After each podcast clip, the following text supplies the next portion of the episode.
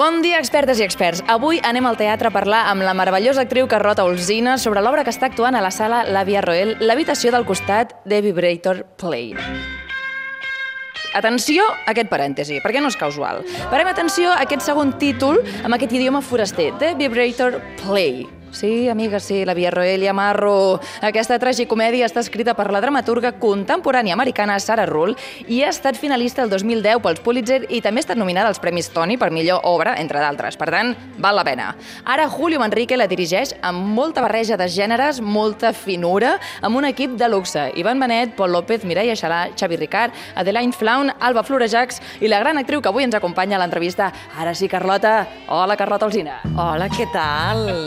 Què és l'habitació del costat? Una petita sinopsi perquè la gent s'ubiqui. Eh, és moltes coses, però bueno, per concretar una mica, l'habitació del costat eh, vindria a ser què passa en aquesta habitació del costat, que el meu personatge, la Catherine Gibbons, té una curiositat insaciable i no sap i vol descobrir com és que totes les dones i un home surten eh, renascuts, eh, exuberants, plens de vida, descansats, i és el meu marit qui els hi provoca i els hi fa aquesta teràpia que els hi fa amb un vibrador elèctric. Amb el primer vibrador elèctric els hi fa teràpia elèctrica a aquestes persones per tractar el que es deia en aquella època la histèria i amb el vibrador tenien paroxismes que vindrien a ser els orgasmes. Veig molt posada amb aquests bueno, tecnicismes, bueno, he, eh? He intentat fer una mica, eh? He intentat fer un resum, però bueno, costa, costa resum. Sí, perquè de fet hi ha una part de filosofia, hi ha una part de poesia. Per exemple, quan es parla de l'art, no? quan el Pol López de cop deixen allà un monòleg preciós de què és l'art i de cop dius, ostres, ja era una comèdia, aquesta sí. filosofada, com, com hi ha capigut aquí, no? Jo penso que és la, la, lo bonic d'aquesta peça i el que la fa diferent i per això també ens ha agradat molt a tots nosaltres, a tot l'equip que la fem, per aquesta diferència, aquesta peculiaritat.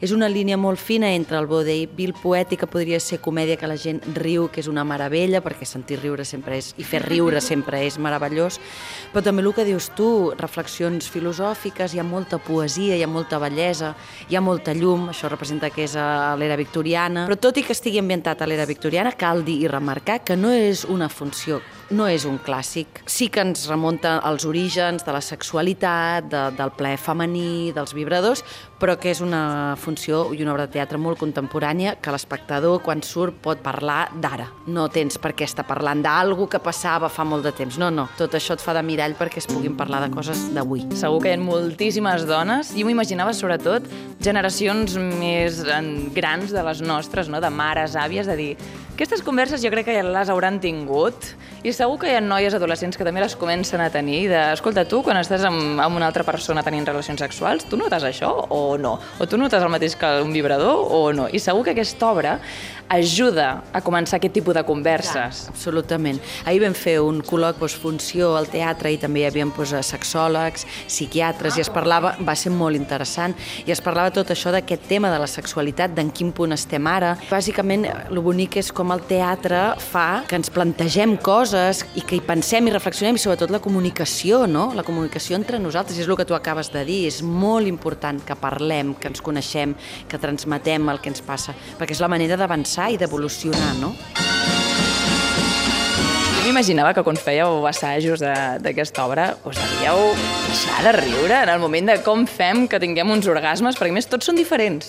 Cada orgasme és molt diferent. I pensava, això com el Julio, com, com ho anem dirigint? A mi anar investigant tots, perquè la Sara Rull també tenia una acotació que és molt interessant, que no volíem anar als clitxers, i ella t'ho posa per acotació que no volíem anar als clitxers que ara coneixem de la pornografia. No ens interessava això, perquè un orgasme, primera, que són molt particulars, com cada un de nosaltres som particulars i únics amb, amb, amb, només per ser, no? Llavors, buscàvem una miqueta eh, l'origen, l'animalitat, aquella primera vegada, quan no tens els referents de la pornografia o quan no tens els clitxers, que moltes vegades aquests clitxers són mentida.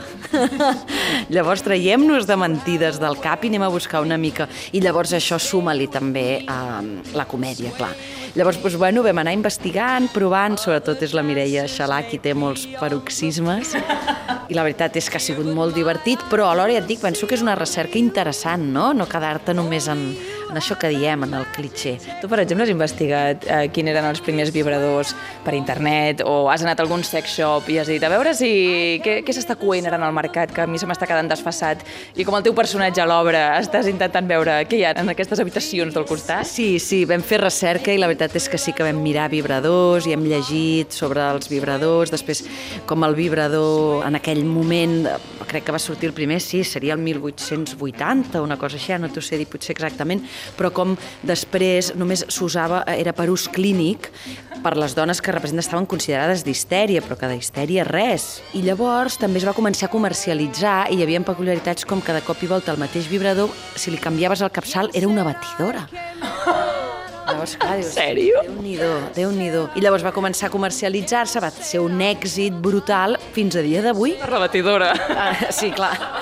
I fins a dia d'avui, i van començar, clar, com a massatjadors. Realment eren massatjadors vibradors. I ara jo el que últim que he provat és el succionador. I és, per exemple, el pingüí, i crec que ara n'hi ha un altre que és l'última moda, i és una meravella. És a dir, que invito a totes les dones del món. En aquest cas, aquest és per dones, però que hi ha una infinitat de joguines que, que poden ajudar moltíssim i, i que, bueno, i que sí, que tot és informació, que la informació és poder i que hem de parlar i que ens hem de comunicar i ens hem d'informar i podem trobar moltes coses que ens poden fer molt de bé. I el que també podeu trobar és aquesta obra a l'habitació del costat de Vibrator Play, on estan tots aquests fantàstics actors fins al 3 de febrer, o sigui que teniu temps per gaudir d'aquest puzzle de comèdia, drama, poesia i mil situacions que comporta el naixement d'un dels béns més ben preuats, jo crec, en la nostra societat actual, el vibrador.